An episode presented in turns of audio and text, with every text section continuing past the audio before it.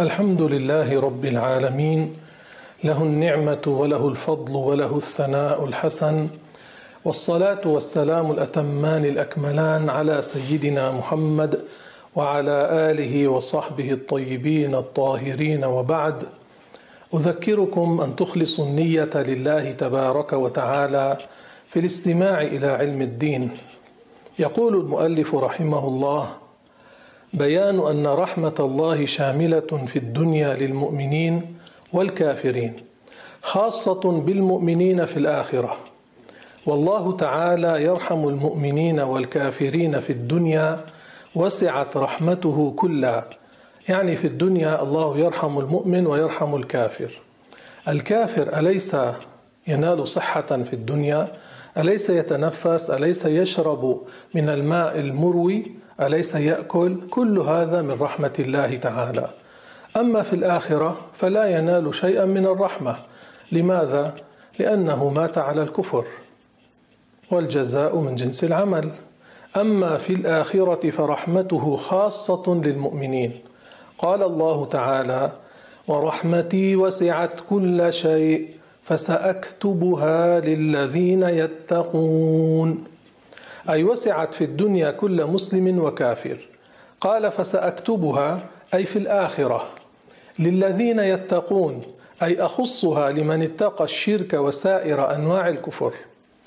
الشرح هذه الآية دليل على أن الله تعالى يرحم المؤمنين والكافرين في الدنيا وذلك بأن يعطيهم الصحة والرزق والهواء العليل والماء البارد وما أشبه ذلك. أما في الآخرة يخصها للمؤمنين. قال المؤلف رحمه الله وقال تعالى ونادى أصحاب النار أصحاب الجنة أن أفيضوا علينا من الماء أو مما رزقكم الله. قالوا إن الله حرمهما على الكافرين. الشرح أهل النار ينادون أهل الجنة. إما يرونهم عيانا مع بعد المسافة بين الجنة والنار في وقت من الأوقات. هؤلاء في النار وهؤلاء في الجنة. وإما يسمعون صوتهم فيطلبون من الضيق الذي هم فيه أن أفيضوا علينا من الماء أو مما رزقكم الله. فيكون جواب أهل الجنة لهم ان الله حرمهما على الكافرين فيسكت أهل النار وفيهم الحسره وفيهم الالم وفيهم العذاب الله ينجينا من عذاب النار الله يعفو عنا الله يعفو عنا الله يعفو عنا قال رحمه الله اي ان الله حرم على الكافرين الرزق النافع والماء المروي في الاخره الشرح أي لا يجدون ماء باردا مرويا إلا ذاك الماء الذي هو بمنتهى الحرارة فيقطع أمعاءهم والغسلين الذي هو عصارة أهل النار أي ما يسيل من جلودهم. قال المؤلف رحمه الله وذلك لأنهم أضاعوا أعظم حقوق الله الذي لا بديل له وهو الإيمان بالله ورسوله. أعظم حق لله على عباده هو أن يؤمنوا به أن يوحدوه أن يشهدوا أن لا إله إلا هو وأن محمدا رسوله. وهذا لا بديل عنه يعني لو الشخص في الدنيا أطعم كل الفقراء وأشفق على كل اليتامى وكل الأرامل وأحسن إليهم وفعل وفعل وفعل لكنه كافر لا ينفعه شيء. لا ينفعه ذلك عند الله وليس له في الآخرة حسنة على ما فعل. لماذا؟ لأنه هدر أعظم حق لله عليه وهو أن يؤمن به وبرسوله. فلا يقال يا أحبابنا كما يقول بعض الناس لا فرق بين الناس كلهم أولاد آدم. قال الله تعالى افمن كان مؤمنا كمن كان فاسقا لا يستوون الله يقول لا يستوون والفاسق هنا هو الكافر. فكيف يقال ما في فرق؟ لا فرق. والله يقول لا يستوون. قال الله تعالى أفنجعل المجرمين كالمسلمين؟ ما لكم كيف تحكمون؟ أفنجعل المسلمين كالمجرمين يعني كالكافرين. ما لكم كيف تحكمون؟ ما هذا الحكم؟ فانتبهوا إياكم أن تقعوا في كلمة فيها معارضة للقرآن أو للرسول صلى الله عليه وسلم.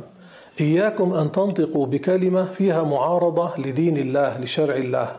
خسران مبين.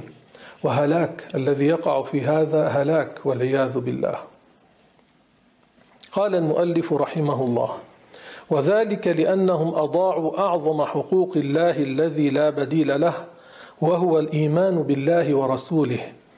الشرح الكفار لا حظ لهم في الآخرة من نعم الله لأنهم أضاعوا أعظم حقوق الله عليهم.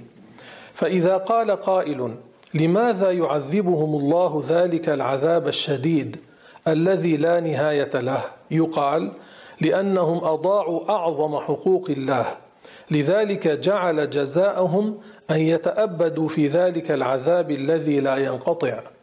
وهم كانت نياتهم أن يبقوا على كفرهم فكان جزاؤهم وفاقا عذابا لا ينقطع. ولا يقال الله ظالم أو الله ظلمهم والعياذ بالله من الكفر.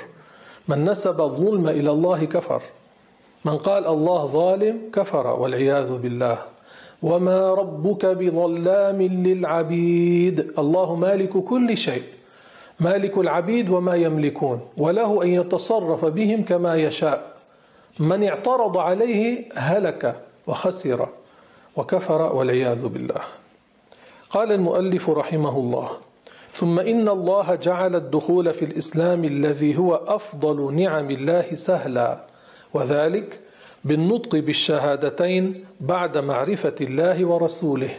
سهل أن يدخل الشخص في الإسلام. إذا عرف الله ورسوله إذا عرف الله سبحانه وتعالى صدق بوجوده وأنه لا يشبه شيئا من الخلق وأنه لا يحتاج للمكان والزمان والإنسان والملك والجن لا يحتاج إلى شيء.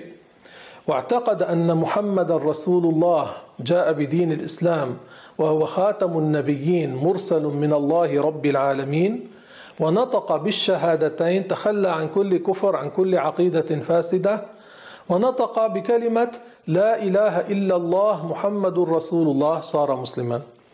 إن كان قبل ذلك كافرا مهما كان فعل كان مجوسيا كان يهوديا كان ملحدا لا يؤمن بوجود الله ثم ترك الكفر وتشهد. كل ذنوبه الذي كان كافرا اصليا كل ذنوبه تمحى بدخوله في الإسلام.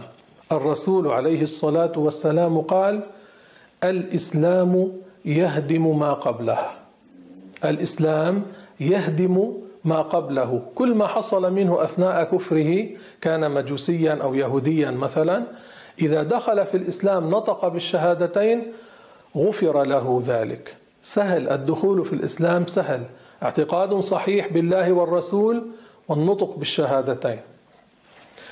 وجعل الكفر سهلا فكلمة واحدة تدل على الاستخفاف بالله. أو شريعته تخرج قائلها من الإيمان وتوقعه في الكفر الذي هو أسوأ الأحوال حتى يكون عند الله أحقر من الحشرات والوحوش. إن شر الدواب عند الله الذين كفروا فهم لا يؤمنون. إذا إنسان نطق بكلمة فيها استخفاف بالله ألا تسمعون من بعض من يدعي الإسلام من أولاد المسلمين؟ يعني ولدهم مسلمون وهذا نشأ بين أبوين مسلمين. يشتم الخالق. سمعت بعضهم يلعن الله سبحانه وتعالى وسمعت بعض الناس ينسب الجهل إلى الله. والعجز بعضهم يقول والعياذ بالله جنن ربي أو دوخ ربي أو هلك ربي أو يقول ربك لا يعرف أين كذا أو أين وضعك أين حطك والعياذ بالله. وبعض الناس يشتمون النبي من الأنبياء وبعض الناس يشتمون عزرائيل عليه السلام. شتم الملك كشتم النبي يخرج من الإسلام. كفر يعني. فهؤلاء لو كانوا من أبناء المسلمين لكن وقع منهم هذا الكفر خرجوا من الإسلام. لو كانوا غاضبين لو كانوا مازحين النية لا تخلصهم. بعضهم يقول ليس في نية الكفر ولا أعتقد الكفر وأنا أحترم الدين وأحترم الله. لكن ينطق بكلمة الكفر ليس مكرها يعني ليس شخص جاء ووضع المسدس الفرد بندقية في رأسه وقال له كفر وإلا قتلتك لا. ولا خرج منه عن سبق لسان بلا إرادة ولا كان نائما ونطق به لا. قاله بإرادة لو كان غضبان. لو كان يمزح لو كان عن جد نطق بالكفر خرج من الإسلام. كيف يعود إليه؟ ليس بكلمة أستغفر الله لا بالنطق بالشهادتين. يتخلى عن الكفر وينطق بالشهادتين. سواء تكلم بها أي بكلمة الكفر جادا أو مازحا أو غضبان. الشرح هذا هو معنى الحديث الذي رواه البخاري. في صحيحه من حديث أبي موسى الأشعري أن رسول الله صلى الله عليه وسلم قال الجنة أقرب إلى أحدكم من شراك نعله والنار مثل ذلك. والمعنى أن الإنسان يكسب الجنة بعمل يسير من الحسنات وكذلك يكسب دخول النار بعمل خفيف من السيئات. فلو عاش العبد على الكفر سنين طويلة قضى عمره عليه ثم قبل موته أسلم قبل أن يرى ملائكة العذاب وقبل أن ييأس من الحياة ويوقن بالموت برؤية ملك الموت أو إدراك الغرق ونحو ذلك لأنه في ذلك الوقت لا تقبل توبته. يعني الكافر إذا رأى ملك الموت عزرائيل عليه السلام وأراد أن ينطق بالشهادتين لا ينفعه ذلك. الكافر إذا أدركه الغرق يعني صار في حالة اليأس من الحياة وأراد أن ينطق بالشهادتين لا ينفعه ذلك. إذا أسلم أي الإنسان الذي كان على الكفر قبل أن يصل إلى هذه الحالة التي ذكرتها واعتقد بقلبه أنه لا إله إلا الله وأن محمد رسول الله كان من أهل الجنة ولو لم يدرك صلاة ولا يؤاخذ بشيء مما عمله من الذنوب. لأن الإسلام هدمها وذلك لأن العبرة بآخر حال الإنسان الذي يختم له به. أحيانا يا أحبابنا انتبهوا لهذا الموضوع. أحيانا الشخص عند الموت عند قرب الموت يأتيه إبليس يأتيه الشيطان ومعه بيده شبه ماء. وهو هذا الإنسان يشعر بعطش شديد فيقول له الشيطان أكفر أنا أسقيك من هذا. بعض الناس يكفرون في تلك اللحظة يشتمون الخالق سمع من بعضهم ذلك ثم يقبض يموت فيكون مات على الكفر. الله يثبتنا الله يثبتنا على الإيمان في كل أحوالنا إلى الممات. لأنه هذا الإنسان الذي كفر قبل أن يقبض كفر والعياذ بالله مات على الكفر خسر وهلك وسيخلد في جهنم. فنسأل الله تعالى الثبات لنا ولكم. على الإيمان إلى الممات. إن الله على كل شيء قدير. ومقابل هذا رجل عاش على الإسلام ثم مرض فاشتد عليه الألم فلم يتحمل فاعترض على ربه فقال يا رب لم ظلمتني بتسليط هذا الألم الذي لا أطيقه فمات حرمت عليه الجنة لأنه كفر باعتراضه على ربه. قال رسول الله صلى الله عليه وسلم إنما الأعمال بخواتيمها رواه البخاري. وكان من دعاء الرسول صلى الله عليه وسلم إذا انصرف من الصلاة واجعل أحسن عملي يوم لقاك. يعني يوم أموت.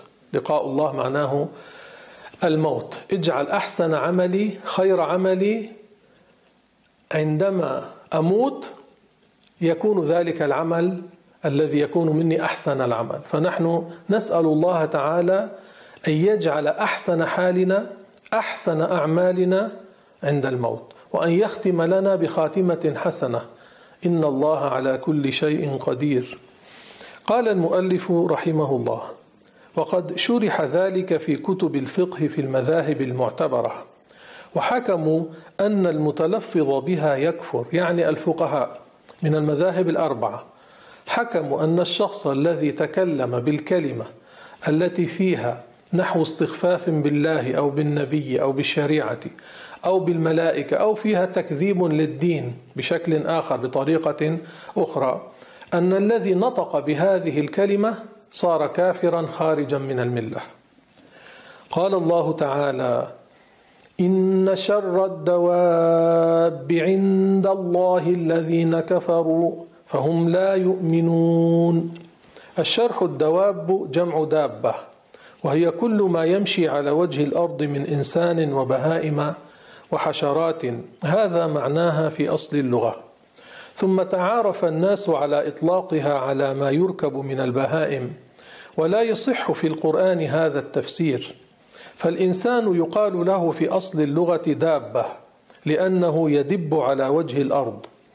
والآية المذكورة معناها أن الكافر هو أحقر المخلوقات فإن البهائم رزقهم الله الأكل والشرب رزقهم الله تعالى أن يستنشقوا هذا الهواء أن يتنفسوا ولا يكفرون بالله. وهذا الإنسان الكافر الله رزقه ذلك يأكل ويشرب وعنده صحة وعنده وعنده وعنده ويكفر بخالقه. فصار أحقر من البهائم عند الله. وقد ورد في الحديث الذي رواه ابن حبان وأحمد في مسنده والطبراني في الكبير لا تفتخروا بآبائكم الذين ماتوا في الجاهلية يعني على الكفر. فوالذي نفسي بيده يعني يحلف بالله.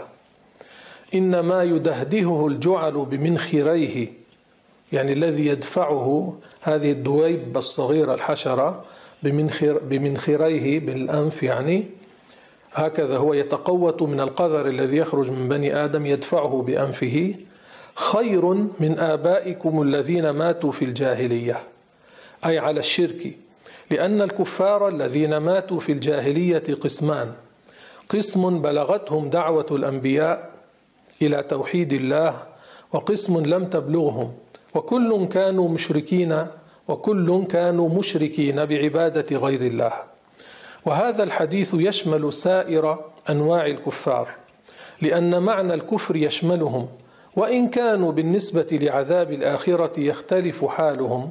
فالذين ماتوا على الكفر ولم تبلغهم الدعوة لا يعذبهم الله بالنار. أما الذين بلغتهم الدعوة فلم يسلموا فهم الذين يعذبون بالنار خالدين فيها مخلدين.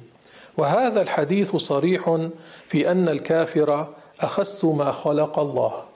يوجد يا أحبابنا إنسان مكلف وإنسان غير مكلف. الذي هو ليس مكلفا لا يكتب عليه. من هو المكلف؟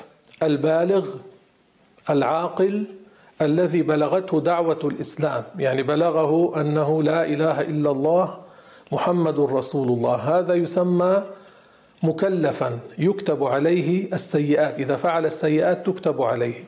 إذا نطق بالكفر يكتب عليه. الذي هو ليس عاقلا المجنون ليس مكلفا لا يكتب عليه شيء. الصغير الصبي الذي لم يبلغ لا يكتب عليه شيء.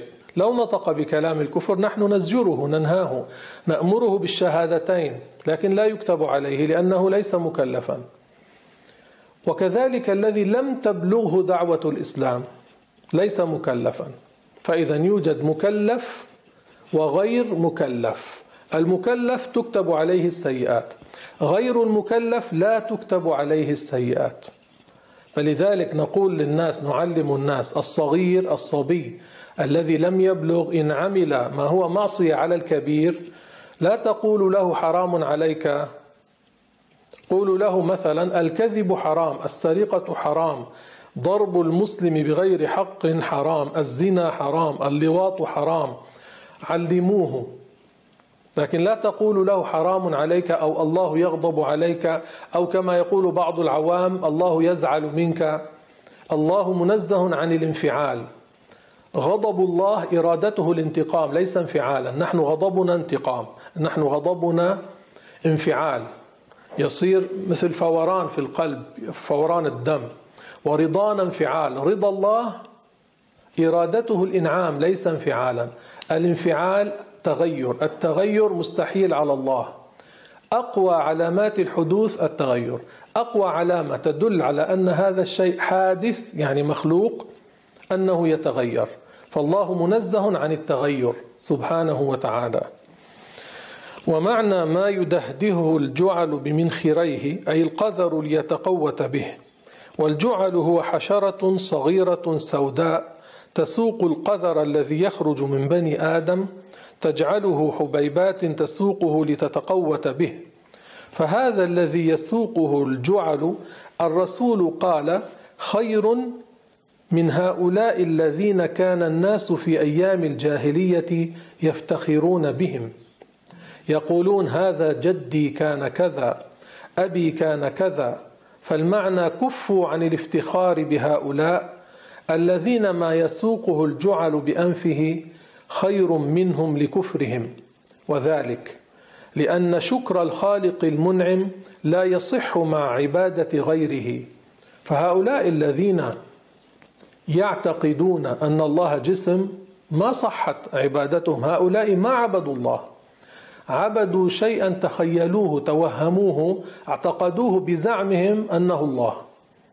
كالمبتدعة المجسمة نفاة التوسل الذين يعتقدون أن الله جسم قاعد على العرش. على العرش لا يوجد شيء حي مريد قادر جالس أو قاعد عليه كما يتوهم هؤلاء. ماذا يوجد على العرش؟ يوجد ما أخبر به الرسول صلى الله عليه وسلم. كتاب مكتوب فيه إن رحمتي سبقت غضبي. هكذا قال رسول الله صلى الله عليه وسلم. إن الله كتب في كتاب فهو موضوع عنده فوق العرش. عنده هذه عندية تشريف ليس معناه أن الله ساكن هناك وهذا الكتاب عنده في مكان سكناه. لا كما قالت آسية رب ابن لي عندك بيتا في الجنة. أين الجنة؟ فوق السماوات السبع منفصلة؟ تحت العرش. قالت رب ابن لي عندك أي في المكان الذي هو مشرف عندك بيتا في الجنة. الجنة مكان مشرف عند الله.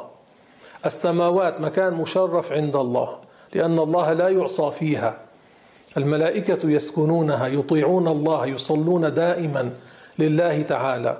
ففوق العرش لا يوجد جسم حي قادر عليم كما يقول المبتدعة المشبهة المجسمة نفاة التوسل. هذا الكتاب مكتوب فيه إن رحمتي سبقت غضبي. معناه مظاهر رحمة الله أسبق وجودا وأكثر من مظاهر الغضب. مظاهر رحمة الله مثل الجنة خلقت قبل النار. وهي أكبر من الجنة بمرات كثيرة من وهي أكبر من النار من جهنم بمرات كثيرة. والملائكة خلقوا قبل الجن والإنس وهم أكثر عددا من كل الإنس والجن. بل ومن حبات المطر ومن قطرات المطر ومن أوراق الشجر ومن حبات التراب. أكثر عددا من كل هؤلاء. هذا معنى إن رحمتي سبقت غضبي. وبعض المجسمة بعض المشبهة يعتقدون أن الله فوق العرش يحاذيه بدون مماسة. هذا اعتقاد باطل وذاك اعتقاد باطل. وبعضهم يقول والعياذ بالله للتمويه فوق العرش لا مكان والله موجود في ذلك الموضع الذي هو فوق العرش حيث لا مكان. الرسول أثبت في حديثه هذا الذي رواه البخاري أنه يوجد مكان فوق العرش وفيه هذا الكتاب. وصار بعض الذين يتفلسفون من المشبهة نفاة التوسل أدعياء السلفية يقولون الله في مكان عدمي. والعياذ بالله قولهم في مكان عدمي معناه ليس موجودا على مقتضى كلامهم. الله موجود لا يحتاج للمكان. لا يحتاج للزمان. كان موجودا قبل المكان والزمان وما زال موجودا بعد خلق المكان والزمان. لا يجري عليه زمان ولا يحتاج للمكان. الجهات كلها بالنسبة إلى ذات الله على حد سواء. فلا مناسبة بين الله وبين شيء من خلقه. لا مناسبة بين الله وبين العرش. لا مناسبة بين الله وبين السماوات. لا مناسبة بين الله وبين الجهات. لا مناسبة بين الله وبين الأماكن. أي لا مماثلة لا مشابهة. فالعرش والفرش أسفل المخلوقات بالنسبة إلى ذات الله على حد سواء. وعظمة الله أنه لا يشبه شيئا. عظمة الله أنه لا يشبه شيئا. ليس تعظيما لله أن يقال كما تقول المشبهة المجسمة إن الله يسكن العرش أو يسكن السماوات أو أنه في مكان فوق العرش يحاذيه أو بقدره بقدر العرش أو أصغر من العرش أو أوسع من العرش. كل هذه الكلمات فاسدة وباطلة وليست تعظيما لله. قال العلماء من وصف الله بالقعود من وصف الله بالجلوس فقد شتم الله لأنه شبهه بالإنس والجن والملائكة. شبهه بالبقر والقرود والعياذ بالله لأن هؤلاء يجلسون. والله خالقهم وخالق صفاتهم وخالق أجسامهم وخالق أعمالهم فلا يجوز أن يكون مثلهم. الله تبارك وتعالى نور قلوب أهل السنة فعرفوا الحق عرفوا التوحيد عرفوا التنزيه وأعمى قلوب أدعياء السلفية المشبهة. الذين ينفون التوسل يكفرون المتوسلين بالأنبياء والأولياء ويقولون عما لا يعجبهم مما هو موافق للدين بدعة قبيحة بدعة منكرة بدعة ضلالة والعياذ بالله من شرهم ومن فسادهم. حتى إن واحدا منهم قال أأمنتم من في السماء؟ في هذه ظرفية يريد أن الله مظروف في السماء السماء تحويه. قال هذا أمام بعض المشايخ فقالوا له الذين هم من أهل السنة قال الله تعالى وهو الذي في السماء إله وفي الأرض إله. تقول هنا ظرفية الله صار مظروفا ساكنا في الأرض وفي السماء. أأمنتم من في السماء؟ قال بعض العلماء الذي هو أعلى من كل شيء قدرا. وقال بعضهم الملائكة. لأن الله هو الذي يأمر الملائكة هم الذين يخسفون الأرض بالمشركين إن أمرهم الله. فإذا قال ظرفية جعل الله مظروفا في السماء محاطا بالسماء يعني جعله جسما. ومن وصف الله بمعنى من معاني البشر فقد كفر. وهو الذي في السماء إله وفي الأرض إله أي معبود في السماء من قبل الملائكة. ومعبود من قبل المؤمنين من الإنس والجن في الأرض يعبدونه. هذا معنى وهو الذي في السماء إله وفي الأرض إله. لأن الإله في الأصل في لغة العرب معناها تطلق على المعبود بحق. ثم استعملها المشركون لما عبدوه من دون الله بغير حق يعني. لأن شكر الخالق المنعم لا يصح مع عبادة غيره أو تكذيب رسوله الذي أرسله ليتبعه الناس. ولو أنفق هذا الكافر مثل جبل ذهبا للمساكين والأرامل لا يكون شاكرا لخالقه الذي أنعم عليه بالوجود والعقل. فلا يكون الكافر شاكرا لله مهما عمل من الخدمات للناس ومهما كان عنده عطف ورحمة وحنان على المنكوبين والملهوفين. الكفار هم أحقر خلق الله وإن كانت صورتهم صورة البشر وذلك لأنهم أضاعوا أعظم حقوق الله على عباده فكفروا بالله عز وجل. فنسأل الله تبارك وتعالى لنا ولكم الثبات على الإيمان والوفاة على كامل الإيمان. بجاه سيدنا محمد عليه الصلاة والسلام. يا أرحم الراحمين يا أرحم الراحمين يا أرحم الراحمين. اللهم إنا نسألك ونتوجه إليك بنبيك محمد نبي الرحمة أن ترحمنا. اللهم أحينا على عقيدة أهل السنة وتوفنا على هذه العقيدة. اللهم اجعلنا من عبادك الذين لا خوف عليهم ولا هم يحزنون. اللهم اجعلنا من عبادك المخلصين المخلصين الطاهرين. اللهم اجعلنا من عبادك الصابرين. اللهم اجعلنا من عبادك المتقين.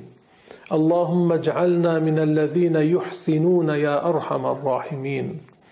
اللهم اختم لنا بخاتمة خير. اللهم أحينا على عقيدة أهل السنة وتوفنا على هذه العقيدة. اللهم أصلح لنا دنيانا التي فيها معاشنا وأصلح لنا ديننا الذي فيه عصمة أمرنا وأصلح لنا آخرتنا التي فيها معادنا. اللهم احفظنا من الفتن ما ظهر منها وما بطن. اللهم اجعل الحياة زيادة لنا في كل خير. واجعل الموت راحة لنا من كل شر. اللهم آت نفوسنا تقواها وزكها أنت خير من زكاها. أنت وليها ومولاها.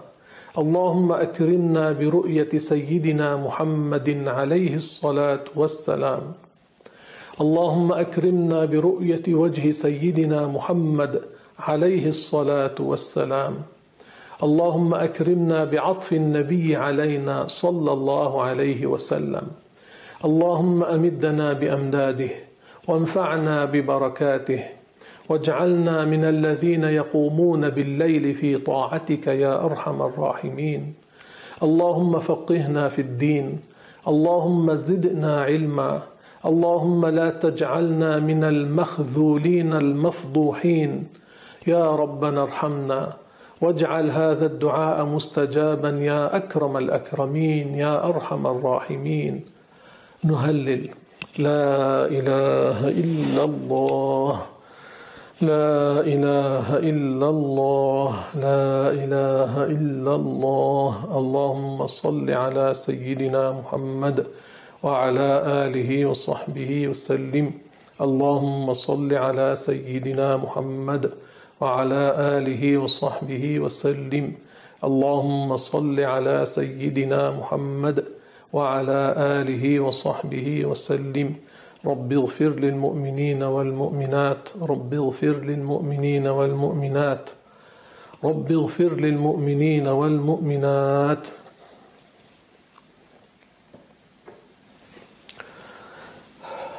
يسأل بعض الناس إذا كان نسمع تسجيلا إن كان بالصوت أو إن كان بالصوت والصورة. هل عندما يدعو الشيخ عندما يدعو المدرس أو الشخص الذي يتكلم نقول آمين ونحن لسنا حاضرين في مجلس الدعاء أم ندعو كما يدعو؟ الجواب عن هذا أنه يدعو كما يدعو. يعني إذا سمعتم دعائي الذي أنا أقوله بعد الدرس وأردتم أن تستفيدوا من ذلك آه، الدعاء بأن تقولوا مثلي. فقولوا مثلي ليس يعني ليس مشروعا أن تقولوا آمين ولستم حاضرين في مجلس الدعاء. فقولوا مثل ما يقول الداعي. بدل أن تقولوا آمين لو كنتم حاضرين عنده تقولون مثله. ما معنى الآية؟ وأن إلى ربك المنتهى. هذه آية عظيمة. وفيها تنزيه لله تبارك وتعالى. قال أبي بن كعب الذي هو من أكابر أصحاب الرسول صلى الله عليه وسلم وكنيته أبو المنذر. وكان الرسول قال أقرأكم أبي أي للقرآن الكريم. قال أبي بن كعب إليه ينتهي فكر من تفكر. وقال شيخنا الشيخ عبد الله الهرري رحمه الله ورضي عنه إليه تنتهي أفكار العباد فلا تصل إليه. معناه أن العبد لا يستطيع أن يصل إلى إدراك حقيقة الله. لا يستطيع أن يتصور الخالق سبحانه وتعالى فيعتقد بوجود الله من غير أن يحاول تصوره. يعني لا يجوز للعبد أن يقول أنا لا يكفيني أن أعتقده موجودا أريد أن أتصوره. يطلب ما لا يحصل العبد لا يتصور خالقه لا يستطيع أن يتصور الله. فيطلب شيئا لا يستطيع أن يصل إليه. معرفة الله لا تكون بتصور الله. معرفة الله تكون باعتقاده موجودا لا يشبه شيئا من الخلق. وهنا سؤال إذا نظر الصائم لامرأة النظر المحرم ما حكم صومه؟ الصائم في أثناء الصوم إذا نظر نظرا محرم نظر إلى عورة امرأة أجنبية عليه معصية كسائر الأيام يعني لكن لا يفطر بهذا النظر المحرم. إنما يفطر إذا مس المرأة وأنزل بمس المرأة أو جامع امرأته مثلا. فالنظرة المحرمة لا تفطر كما يقول بعض الجهال. يقولون النظرة المحرمة والقبلة المحرمة وبعضهم يقول شم الورد وشم العطر كل هذا كذب كل هذا لا يفطر. الشخص الذي يصوم ولا يصلي هل يؤثر على صومه؟ ليس من شروط الصيام ليس من شروط صحة الصيام الصلاة. الصلاة فرض وهي مقدمة على الصوم من حيث المرتبة. إن تركها الصائم صح صومه لكن عليه معصية كبيرة. ويؤثر هذا على ثواب صومه. يعني ينقص ثواب صيامه لكن يصح صومه. ليس كما يقول بعض العوام يقولون يا صائم بلا صلاة يا معذبا نفسه في الهواء. والعياذ بالله كلام غير صحيح. لماذا نرفع أيادينا إلى السماء عند الدعاء؟ هذا سؤال مهم.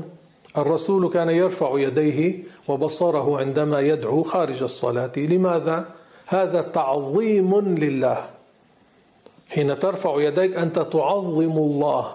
حين ترفع بصرك أنت تعظم الله. لذلك كان الرسول يفعل ذلك.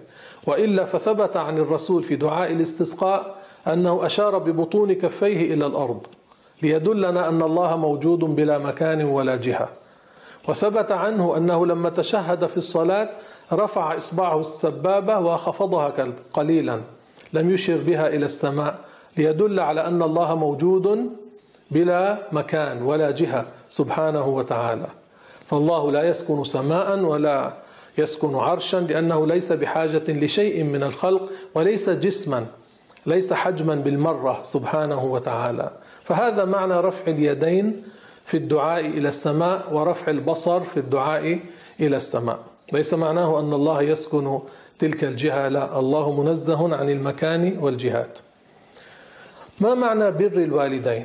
بر الوالدين أن تطيع والديك في كل ما يطلبان في كل ما يحبان مما هو ليس حراما أو في المعظم في الأكثر يعني حتى تكون بارا بالوالدين. والعقوق معناه أن تؤذي والديك أو أحدهما أذى غير هين فتكون عاقا كضربه بلا حق أو شتمه بلا حق فهذا من الكبائر وهذا عقوق معصية كبيرة. ماذا كان يقول الرسول حين يرجع من الغزو؟ كان رسول الله صلى الله عليه وسلم إذا رجع من الغزو يقول لا إله إلا الله وحده نصر عبده وأعز جنده وهزم الأحزاب وحده. توحيد هذا. الرسول كان يقول وهزم الأحزاب وحده. ظاهرا من الذي هزم الأحزاب التي قاتلها؟ الرسول والصحابة. لكن الرسول ليعلمنا التوحيد قال وهزم الأحزاب وحده. يعني الذي خلق الهزيمة فيهم هو الله وليس الصحابة وليس الرسول.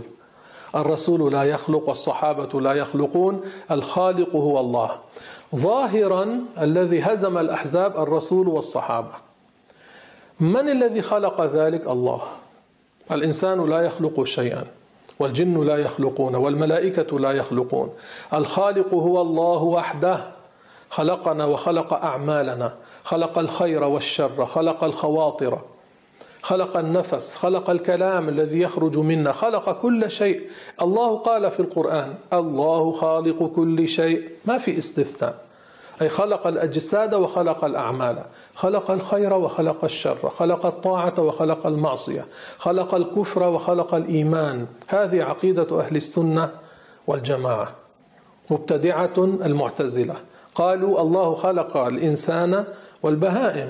ثم أعطاهم القدرة على خلق الأفعال فصاروا خالقين لأفعالهم دون الخالق دون الله وهذا كفر وشرك والعياذ بالله. عقيدة المسلمين أن الله وحده يخلق أي يبرز من العدم إلى الوجود. هل من خالق غير الله؟ قرآن. وخلق كل شيء؟ قرآن. قل الله خالق كل شيء؟ قرآن. والله خلقكم وما تعملون. أيضا من القرآن. حديث للرسول صلى الله عليه وسلم صحيح. رواه ابن حبان. إن الله صانع كل صانع وصنعته. والحمد لله رب العالمين.